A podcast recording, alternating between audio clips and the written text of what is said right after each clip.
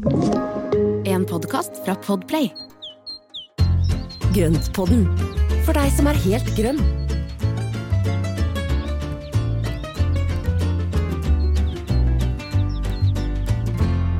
Hei og velkommen til Grøntpodden. God dag. Hei Espen. Hei Marianne. Går det bra? Ja, det går veldig bra. Sola skinner, fuglene kvitrer, og det begynner å spire og gro ute. Det kan jo ikke bli bedre da. Nei. Plussgrader, hurra, hurra. Men du, i dag så skal vi snakke om eh, å kickstarte georginer og begoniaer. Ja, det skal vi. Ja. Og hvorfor snakker vi om de to plantetypene samtidig?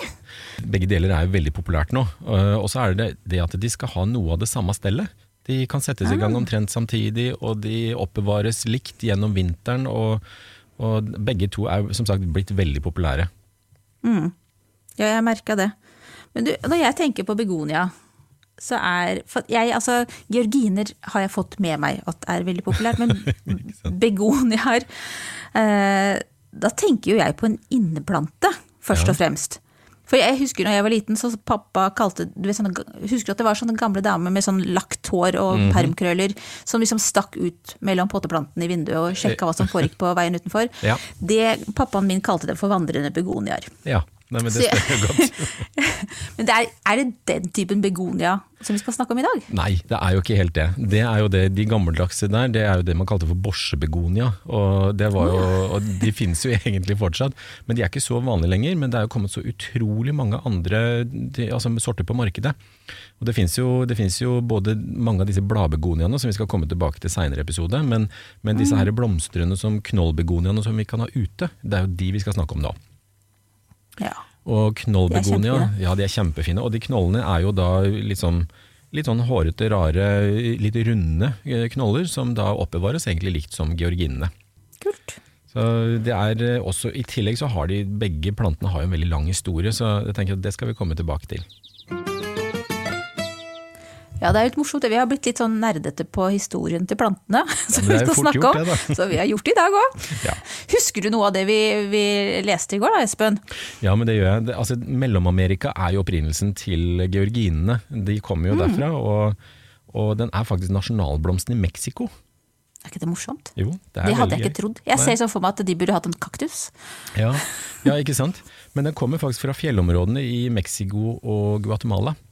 Der Mm. er liksom opprinnelsen, og så er det selvfølgelig blitt en hel altså Det er tusenvis av eh, krysninger og hybrider som vi nå har i hagen i dag. Så det er ikke, dette er jo ikke de opprinnelige georginene vi har i hagene våre.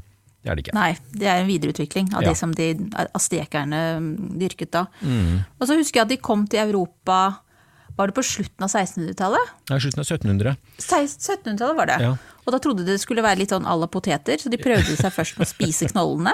Ja, så det, Men de smakte jo ikke så godt, og derfor så droppa de det. Men eh, de er jo faktisk spiselige, og det, man kan jo bruke kronbladene i, eh, altså i mat. Det, det går jo an. Så, så det, Det er er litt morsomt. Ja. Ja, det har jeg ikke tenkt på engang. Det var jo også nydelig salat det ville blitt av det. Ja. Hvis du da har hele georgina, så er det kanskje litt sånn tungt å tygge gjennom, tror jeg. Men eh, bare bruke deler av kronbladene som da får for du å få den der liksom na- ja, nappe ut ett og ett blad. Ja, Ja, jeg det tror, det, tror det er en fordel. Og så på engelsk så heter det jo dahlia, eller er det på latino det da kanskje? Ja. Latinske navnet er dahlia. Og der kom vi jo på en, hva opprinnelsen til det navnet var. Ja, og det var jo da Andreas Dahl, som var en elev av Carl von Linné, han er plante, plantefyren i Sverige. Gurun. Ja. Gurun, ja, som har satt navn på veldig mye planter. Men eh, det var jo Andreas Dahl som var hans student, som da fant denne, denne her. Og, og navnga den. Så derfor så kommer navnet derfra. Begonia, det var oppkalt etter en eller annen sånn fransk eh, konsul ute i Karibiske havet, var det ikke det? Jo, Han, var, det var plantesamler. det var det også, og, det var da, og den kom jo da omtrent samtidig til, til Europa, og den kom fra Brasil opprinnelig. Ja. Så det har jo, begge deler kom jo da ganske tidlig, så de har vært hos oss i mange, mange, mange år. Da. Spennende. Ja, det er kjempespennende. Så mye historie, Det er, og det er veldig gøy å dykke tilbake og se hva som er opprinnelsen til disse tingene, da. Det er jeg helt enig i. Men du, nå skal vi tilbake til nåtid. ja, ikke sant. Det er her og, Og- nå. Og så er det jo da, i og med at vi sier at vi skal fortelle om hvordan vi gir dem en kickstart, så lurer Ja. jeg på hvorfor, hvorfor er det et poeng med en kickstart? Altså hvorfor skal vi starte å dyrke dem nå? Jo, det er rett og slett for å få de tidligere i blomst. Og det, altså mange har jo overvintra, eller overvintrer jo knollene sine selv, og da ligger de mørkt og kjølig og, og, og hviler da gjennom vinteren. Og ved å da sette de i gang nå, eh, så vil de da, og det betyr å putte de i potte, begynne å sette i gang veksten på de, så vil vi kunne plante ut ganske fine planter i midten av mai, som gjør at vi får en mye tidligere blomstring. Ja. For uh, hvis vi planter knollen rett ut i bedet, så går det også helt fint, men da begynner det å blomstre mye, mye seinere. Så det er jo rett og slett for å gi de der røttene, da en, eller de knollene, en, en god sjanse til å sette gode røtter, sette nye skudd, få den veksten i gang. Og for å få dette her til å skje, så, så må vi ha de potte inne uh, Ja. nå i, i, i starten. da. Ja, men det, først, da, det høres veldig lurt ut. Mm. Men er det sånn da at de slutter å blomstre tidligere enn hvis du putter dem i jorda i mai? Nei, og det er jo det som er bonusen med disse her. De er jo, altså, jo mer de, altså, jo, de begynner å blomstre tidlig, men de fortsetter jo å blomstre helt fram til frosten kommer. Og, og det, er jo helt, altså det er jo helt rått. Det er jo ikke, det er ikke uten grunn at de er blitt så populære. og Jo mer du plukker av georginene f.eks., altså plukk inn blomstene, putt de i vase og, og bruk blomstene. Og Jo mer du plukker av de, jo mer knopper kommer, og jo mer setter de eh, blomstring videre. Det er jo helt supert. Ja. Som, som du vet på forhånd, så har jeg jo øh, uttrykt litt skepsis til ge- georginer, fordi jeg prøvde meg på noen knoller for 20 år siden. Ja. Uh, tror det var litt for mye småbarnsmamma da, jeg klarte jo ikke å holde styr på dem. Så det har liksom, denne samtalen er nesten litt sånn terapi for meg. Ja, men så bra. Jeg kjenner at jeg ser nå georginer med et litt, uh, litt nytt blikk.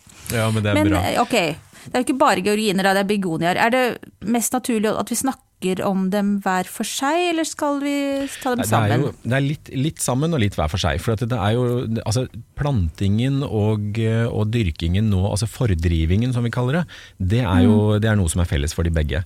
Og Da kan de gjerne settes da, plantes i en god, veldrenert krukkejord, og så sette dem da i eh, altså lyst, men da ganske lav temperatur, altså mellom 10 og 15 grader, og så mye lys som overhodet mulig. Og På den måten så får du de der kompakte, fine, tette plantene. Og eh, begoniaen den kan jo egentlig bare få lov å vokse i vei sånn som den vil, men georginene de bør toppes. altså Hvis man da ser at skuddene kommer opp, så topper man knip av toppskuddet, og da vil den som regel forgreine seg i to nye skudd. Og på den måten så får du en mye tettere plante. Blir den liksom bredere òg? Ja, Den blir breiere og mer buskete og sånne ting. Så det ene skuddet som kommer opp, hvis du klipper av den, så vil den da eh, som regel så vil den dele seg i to. At det da kommer ut to nye skudd ved, ved det bladfestet under der hvor du kutta. Ok, Mm. ja, den var jo den, Det skal jeg klare å se. Ja, så bra. Og den, eh, det som også er at eh, de, eh, de georgineknollene de, jo, de kan jo også deles, og det kan også begonia, men det er litt forskjellig teknikk for å få delt de. Ok, vil du fortelle om Ja, ikke sant.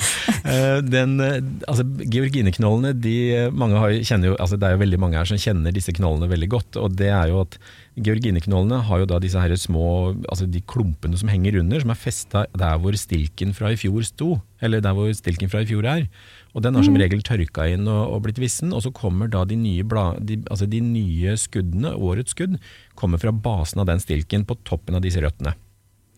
Og Ok. eh, når da disse her vokser og blir eldre, og man tar de inn og så setter man de ut, og sånne ting, så vil disse her røttene eller klumpene bli flere, og den, den knollen blir større. Og når da den er stor nok, så kan man da dele de knollene fra hverandre med å ta tak i to stilker, og så lirke de fra hverandre, og så henger det da sånne klumper på hver av de stilkene. Og vips, så har du to planter. Ja. I tillegg så går det an å ta stiklinger, og du kan også bare ta en én klump med litt, grann, litt grann feste til stilken og sette i jord, så vil det som regel komme ut nye planter der også. Så det er flere måter å dele de på. ja. Og begoniaen, da? Hvordan Nei, deler man den? Den er litt mer brutal, for der må du til med kniven. Så den, den eh, Se for deg at begoniaknollen er litt, sånn, litt flattrykt, og så er den litt sånn oval, kantete, altså litt avrunda i, i formen.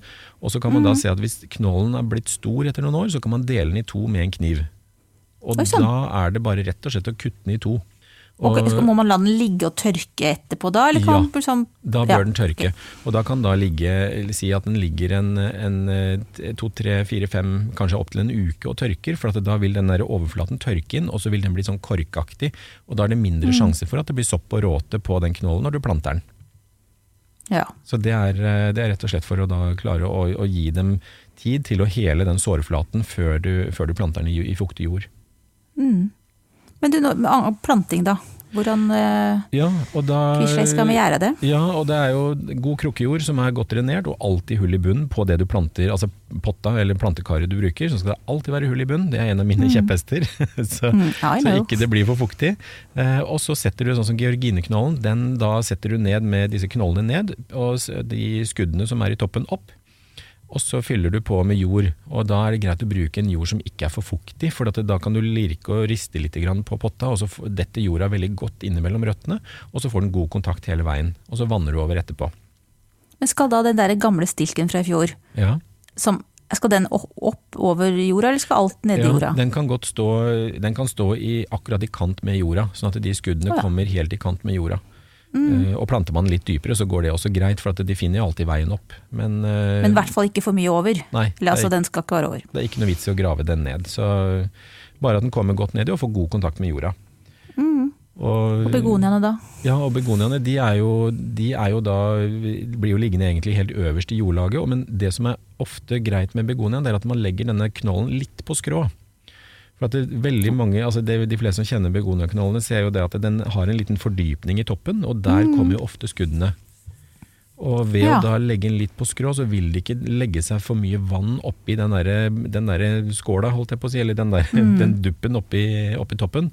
Og da vil vannet renne av, og på den måten så forhindrer man en del sopp- og råtedannelse på skuddspissene. Ja, det var smart. Og det er eh, spesielt på høsten når det begynner å regne mye og bli mye fuktighet, så, så er det fort at de knollene kan råtne fordi det blir liggende for mye fukt oppi og rundt, rundt der. da. Mm. Um, altså det, er, eh, det, er, veldig greit. Og begge to er jo ganske greie å da bare, bare plante rett og slett nå, for det, da man, får man den der forspranget, rett og slett. Mm. Ingen tid å, å miste kan du si. Nei, ikke sant. ok, da er vi ferdige med pottingen, men hva gjør vi videre?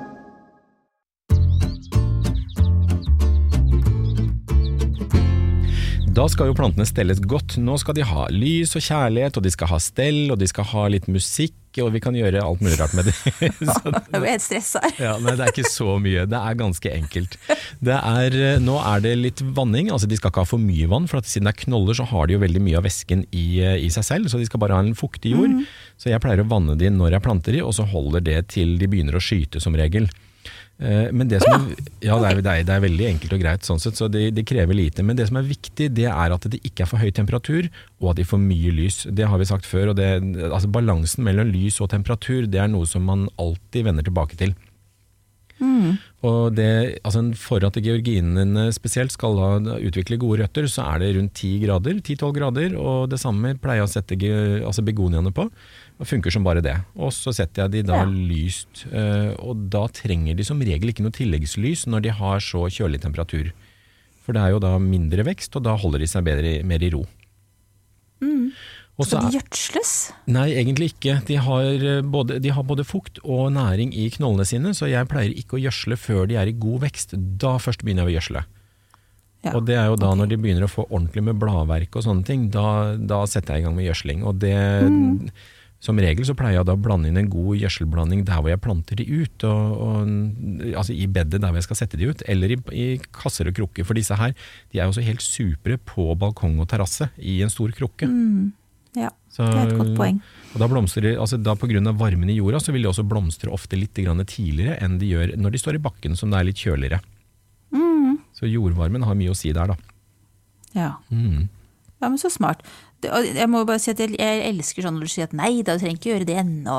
Det er sånn Det er ikke noe stress. Liksom, nei, jeg liker det veldig godt. Altså, de seiler nå opp som favorittknoller. Ja, men så bra. Uh, ja. Og så var det knipe toppskuddene, nevnte du også. Det skal ja. man gjøre før man setter dem i jorda, ikke sant? Nei, altså, ja, eller det gjør du med en gang de begynner å skyte skuddene, altså på georginene. Ja. Så du kan gjerne knipe etter det første ordentlige bladparet, og så kan du knipe en gang til. Og så er de da tett og fine når du planter ut i, i midten av oh, mai. Og da er man mm. ferdig med knipingen ja. for i år. Ja.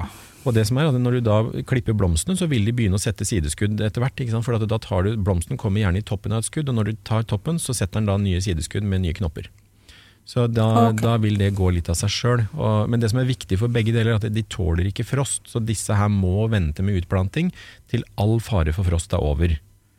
Og det betyr da okay. ofte så er det altså, i hvert fall ikke noe tidligere enn første uka i, i mai, kanskje midten av mai. Sette de ut til 17. mai f.eks. I Ja. hvert fall her på Østlandet.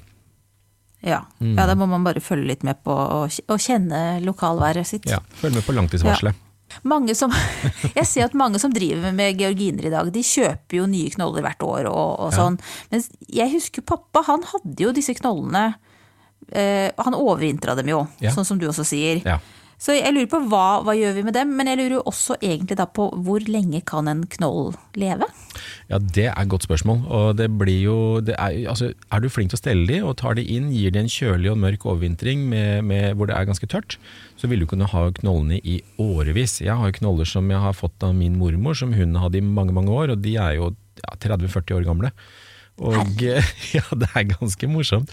Og det som er veldig gøy med Og jeg har jo hørt om knoller som er altså 100, 100 år gamle, altså, som eh, folk har brukt igjen år etter år etter år. Men det som er veldig gøy, det er at for hver sesong den er ute og har det bra, så vil den bli større, og da kan du ta og lage flere, eh, flere planter, og så kan du dele med til venner og familie og kjente. Og det er kjempekoselig. Ja, og det... Og blomstene blir ikke noe mindre eller noe sånt eh, Nei, er snarere, snarere tvert imot. For det, hvis du da, eller det vil si at hvis du, knollen blir for stor og, og disse, her, disse her røttene står for tett, så vil ofte planta bli litt sånn dårlig. Så planta har veldig godt av å bli, få delt, eh, delt, knoll, altså delt rota. Så hvis da, den blir delt opp i mindre biter, så vil de, de nye plantene bli kraftigere og finere. Så det har ikke noe å si for blomstens del. Altså. Ja, men så supert. Du vet jeg har litt eh, sånn skrekk for å dele ting. Ja, Så det, det- er altså, greit å vite at har- det, er en fordel for dem. Ja, disse har godt av å bli delt. Mm. Og jeg er, jo, jeg er jo stor fan av planter som kan gå i arv, og ting som har, altså planter som har en historie. Og det, det er liksom kjempehyggelig. Og så er det noe med å ha de minnene, da. Men, eh, men så er det jo veldig mye fristende sorter som kommer på markedet. Altså de, der, de leverandørene som da selger georginer og begonia, de vet jo å friste folk, altså. Det er så mye fine farger, og Nei, ja, det er kjempefint. Men, øh, og det er jo forskjellige typer òg. altså, de, de, alle ser jo ikke like Du har jo disse tallerken-georginene som Ja, ser kjempestore ut, De er jo svære og feite. De er jo det, altså. De er herlige. De er Men har du noen favoritter som du har hjemme hos deg? Ja, jeg har noen. Uh, selvfølgelig, den der tallerkengeorginene, de altså, de er jo så svære og feite. De er jo 25 cm i diameter på, og, og ser ut som en fjærball. Eh, så jeg har jo jeg fikk, eh, jeg har, De siste par årene så har jeg hatt Café Olé. Den er jo veldig mange som kjenner til. Mm. Men en av mine absolutte favoritter Det er en som heter Alauna St. Clair. Som har eh, Den er lilla i, eh, i innerst, og så går den over i litt spisse tupper som er hvite. Og den er så nydelig, og, og altså, jeg kan bare sitte og se på den. Den er så fin. Eh, og så er en av mine eldre georginer, som jeg kjøpte i 2000 da jeg hadde balkong i byen, som uh, levde sine første år i krukke og, og ble veldig stor og fin. Og det er en som heter Eveline, eller jo, Eveline. Og den er, ja, og den er hvit med litt lilla tupper. Som også er veldig sånn fin, litt lav, buskete georgi. Altså Den blir ikke altfor høy, da. Så, og så har du jo disse små pompong-georginene som er veldig små, tette, veldig sånn definerte, runde former. Og så har du kaktusgeorginer som er kjempe sånn litt piggete, litt frynsete nesten. Så det, er- det er en kjempevariasjon, altså. Ja, det er morsomt. Og jeg, altså de, ja, nei, det har skjedd mye på 20 år, for å si det sånn. Jeg Ja. føler at jeg liksom nå er gjenoppdager georginene. Litt, litt etter veldig mange andre, men det er ikke så farlig. Nei, det jeg trenger ikke være så trendy. Det er aldri for seint å få seg noen knoller. Det er, eh, det er veldig greit. Men når du planter Nei, Men det skal jeg i hvert fall, det må jeg si, når man har flere sorter, så husk å merke de når du planter de. For at de er nesten, og når du plukker de inn, sett på merkelapp. Mm. Og, og for at det er umulig å huske hva, hva de forskjellige sortene er, for de er helt like nesten på knollene. Ja. Og plantene er ganske like når, de, når de begynner å skyte. Så for å få riktig knoll på riktig sted i hagen, så er det greit å merke de. Veldig bra tips. Ok, Men hva gjør vi da med de som vi overvintret fra i fjor? Eh, har du noe, det, må man behandle de på noe spesiell måte før man putter dem i jorda? Nei, egentlig ikke. Det er egentlig bare som, eh, som de andre som man kjøper, å putte de i jord. Men sjekk at knollene er i orden. Altså, kjenn litt på de, at de er faste og fine i fisken, og at ikke det er noen skader. Og er det mye eh, sånn rusk på de, altså smårøtter og sånne ting, så er det bare å, å ja, rett og slett å rense de litt. Grann. Men det som er, hvis de da har hatt det litt grann mørkt og tørt Nei, mørkt, sier jeg. Hvis de har hatt det litt tørt gjennom vinteren, så kan det hende at de har skrumpa inn litt, og det har blitt litt sånn skrumpete og litt myke. Men da er det bare å legge de i vann over natta, og så pleier det å trekke seg opp ganske kjapt. Og da er det bare å plante de. Så Ja. en, et Men det i man gjøre, da. Ja. Legge de litt i vann hvis de er litt sånn innskrumpa. Ja. Så Ja. Mm. legg de et døgn i vann, så, har de, så er de good to go etterpå. Ja. Mm. Og da sa du også det med å dele og sånne ting, det nevnte du jo, så nå vet vi jo Ja. hvordan vi skal gyve løs på dem. Ja da, så det er, eh, og det er, de er veldig lette, og de er jo livskraftige disse her. sånn at det er liksom, Har du en liten bit av en rot og, og et, en del av et skudd, så, er, så har du en ny plante på et øyeblikk. Mm. Så, så det, er veldig, det er veldig enkel, det er enkelt å dele, og det er enkelt å lage flere planter av de. Så Det er veldig morsomt. Så er det veldig hyggelig å kunne gi bort i gave, da. Ja. ja, det Egenproduserte planter. Du kan gjerne komme med hva heter hun, Eveline? Ja, Eveline skal du få. Også, og sammen med, med hun eh, Alauna St. Clair. Hun er jo, altså, den er så fin. Den skal jeg, den skal, jeg skal har et ganske fint bilde av de, så, som jeg skal vise fram. Altså, for den, eh, den, eh, den er, den er i, altså Georginene er i tillegg veldig fotogene, har jeg merka. For at de, de gjør seg veldig godt på foto. Mm. De er liksom ikke så beskjedne. Nei, det er nei, nei, sånn nei. 'her er jeg'. De syns, og de, de, de tar sin plass i hagen, og de trenger ofte litt, grann, de trenger litt grann plass også for å, for å liksom, ja, få, få syns ordentlig. Da. Men de er helt perfekte i et bukettbed, altså, hvor man da tenker at det, det skal være noe som man kan plukke inn og putte i vaser og bruke til dekor. Så er eh, georginer også helt suverent, for de holder seg ganske godt i buketter. Ja, Så kan man også egentlig velge litt forskjellige farger og sånn, da. Mm. Ja. Hvis, altså, man trenger ikke å være helt ton i ton, men Nei, at man nei. kan trenke litt sånn buketter, ulike typer buketter. Ja, og du får de også helt ned i nesten helt burgundersvarte, og det fins en som heter Arabian Night, som er, eh, som er en helt sånn dyp burgunder. Og det sammen med da litt mer kremfarga og rosa og sånne ting er dødslekkert, altså. Ja, gode kontraster. Mm. Ja, herlig. Det var bra. Eh, Du, jeg lurte på når er det vi kan plumpe dem ut i jorda? Vi har egentlig sagt litt, det var i mai, men altså, er, det, er det bare som eh, sette dem rett ut? Her tror jeg ikke du kommer til å si at ja, det er bare å sette dem rett ut, men Det er jo, altså, gi, en, gi en litt ekstra næring rundt i området der hvor du skal sette den. Altså Blande litt kukompost, litt hønsegjødsel, kanskje noe kompost fra varmkomposten din eller bokasjen, Og, og så, så bare blande det godt inn, og så setter du da potta nedi der.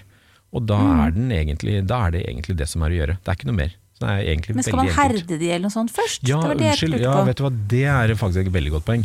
Gi de en myk overgang. Eh, hvis du da setter de rett ut fra, fra inne, innendørs, eller inne i et drivhus eller eh, innendørs, og så rett ut i sola, så blir det som om vi da går fra en vinterbleik kropp til eh, en dag i sola uten solkrem. Da Mm. blir vi så svidd, altså. Så det er, det er veldig lurt. Gi dem en myk overgang, sakte tilvenning til sola. Litt hver dag over en uke, eller bruk fiberduk over, eller bare gi dem litt grann halvskygge i starten. Så er de, Ja. så er de, og det kan man begynne med i starten av mai, for at da begynner, begynner sola å ta godt. Ja, Mm. ok. Ja, men det er fint, og det er en sånn fin sånn For oss som gleder oss i sommeren, så er det så deilig med sånne, sånne små steg. Ja, Alt som peker i retning av, av blomster og, og gøy. Ja, ikke sant? Ja, men Så bra. Da, det er jo helt supert, det her. Altså, trenger vi å lære noe mer nå? Det, det er sikkert masse mer å lære, men jeg føler liksom at nå er jeg egentlig ganske klar til Men du er, altså, du er klar for å gyve løs på georginer du òg? Du, faktisk. Yes, jeg, målet er nådd. Jeg bare, men jeg, jeg bare vet jeg kommer til å så, så ha problemer med å velge hvem. Ja, det skjønner jeg, men da, da har vi overtalt én til til Georgine-drømmen, altså. Ærlig. Ja, åh, det høres så herlig ut. Mm. Skal jeg oppsummere litt da, Espen? Eller har du noe mer på hjertet? Er Ja, nei, men jeg tenker at oppsummering er fint, og da, jeg tenker jeg at Ja. din oppsummering er jo, må jo være bare et enkelt ord, er det ikke det? jo, jo, nå må jeg ha georginer, ja. Ja, nemlig.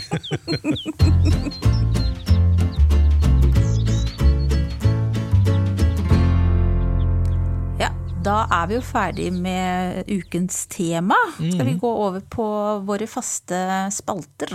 Ja, Ukas plante, Espen. og jeg gleder meg. Ja, nå er jeg spent.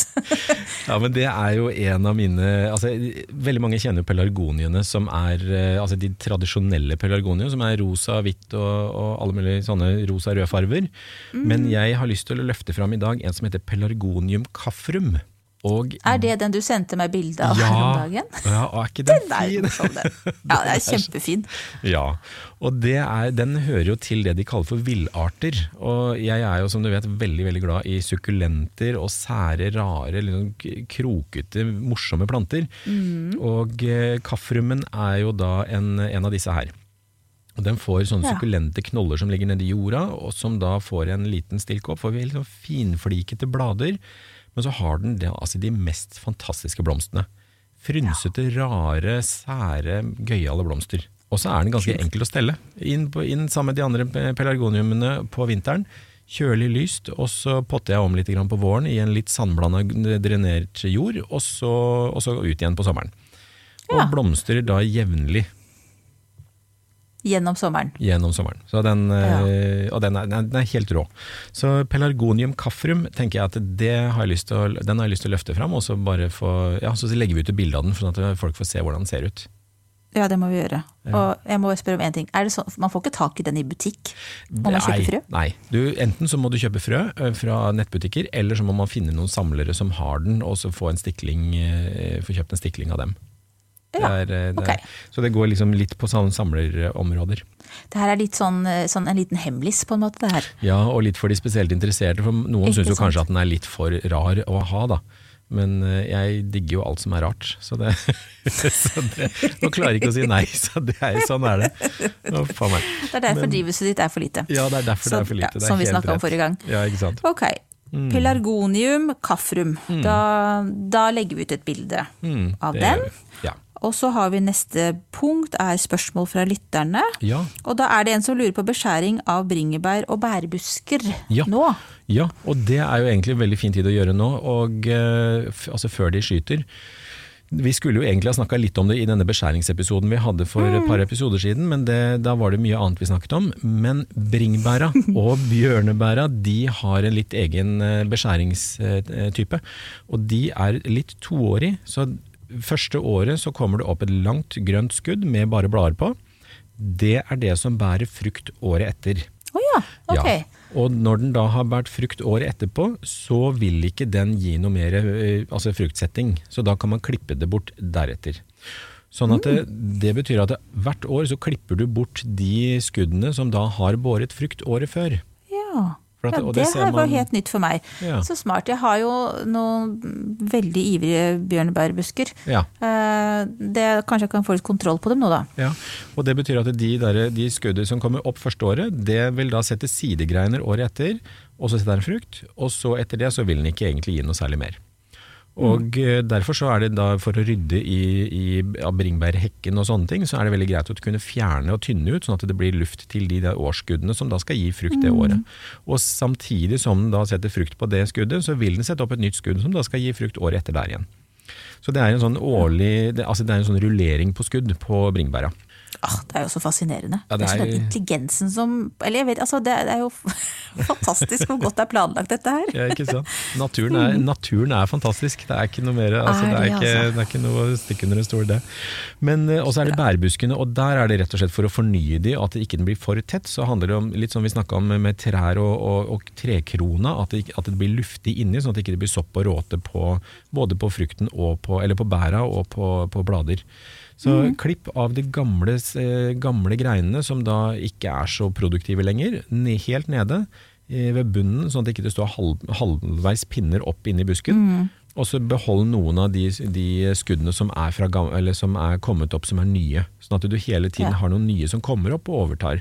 Og så er det å sørge for at det er, eh, er nok luft inni. Så jeg pleier å fjerne ja, en tredjedel av greinene omtrent i en, i en bærbusk hvert år. Det var ganske, ja, ganske mye. Ja, det er ganske mye. så, så 25% 30% det er, det er, ikke, ikke, altså det er ganske greit å fjerne. Mm. Ja. ja, men supert. Er det noe mer å si om det? Nei, jeg tenker at det er, det det er veldig greit.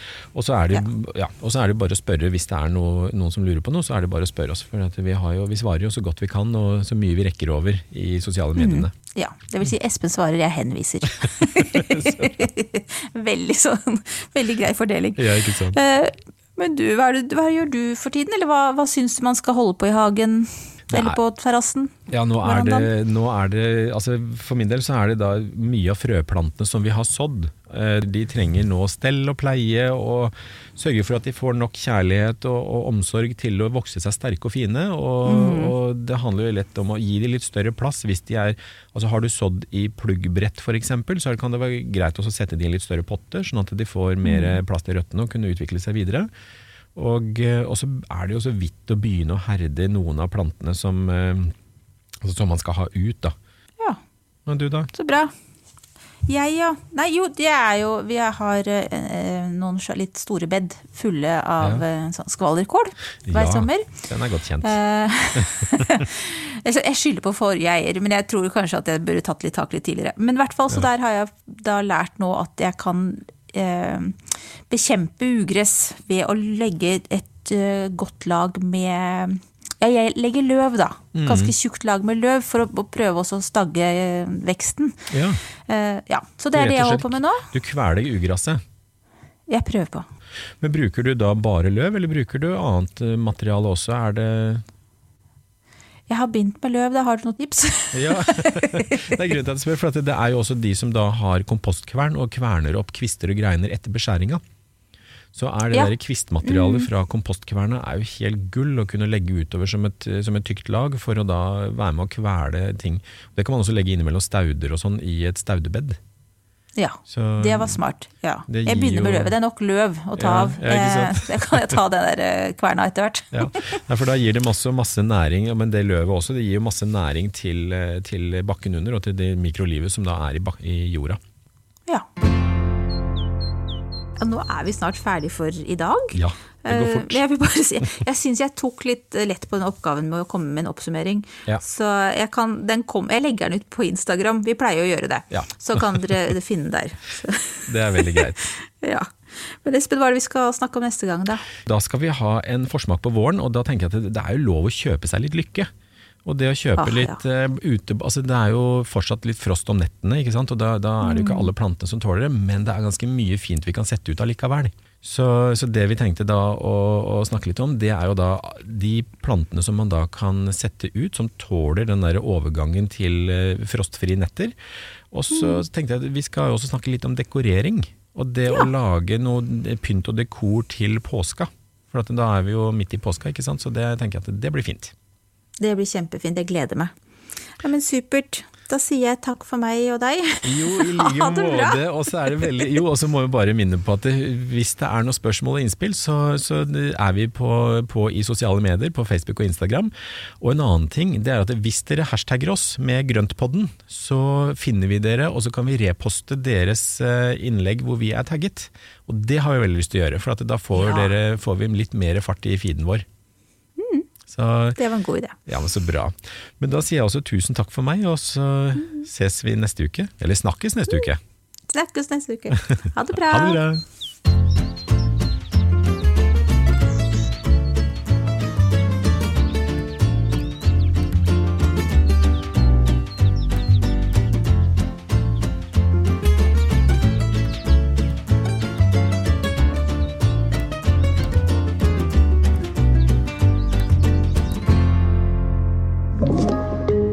Podkast fra Podplay.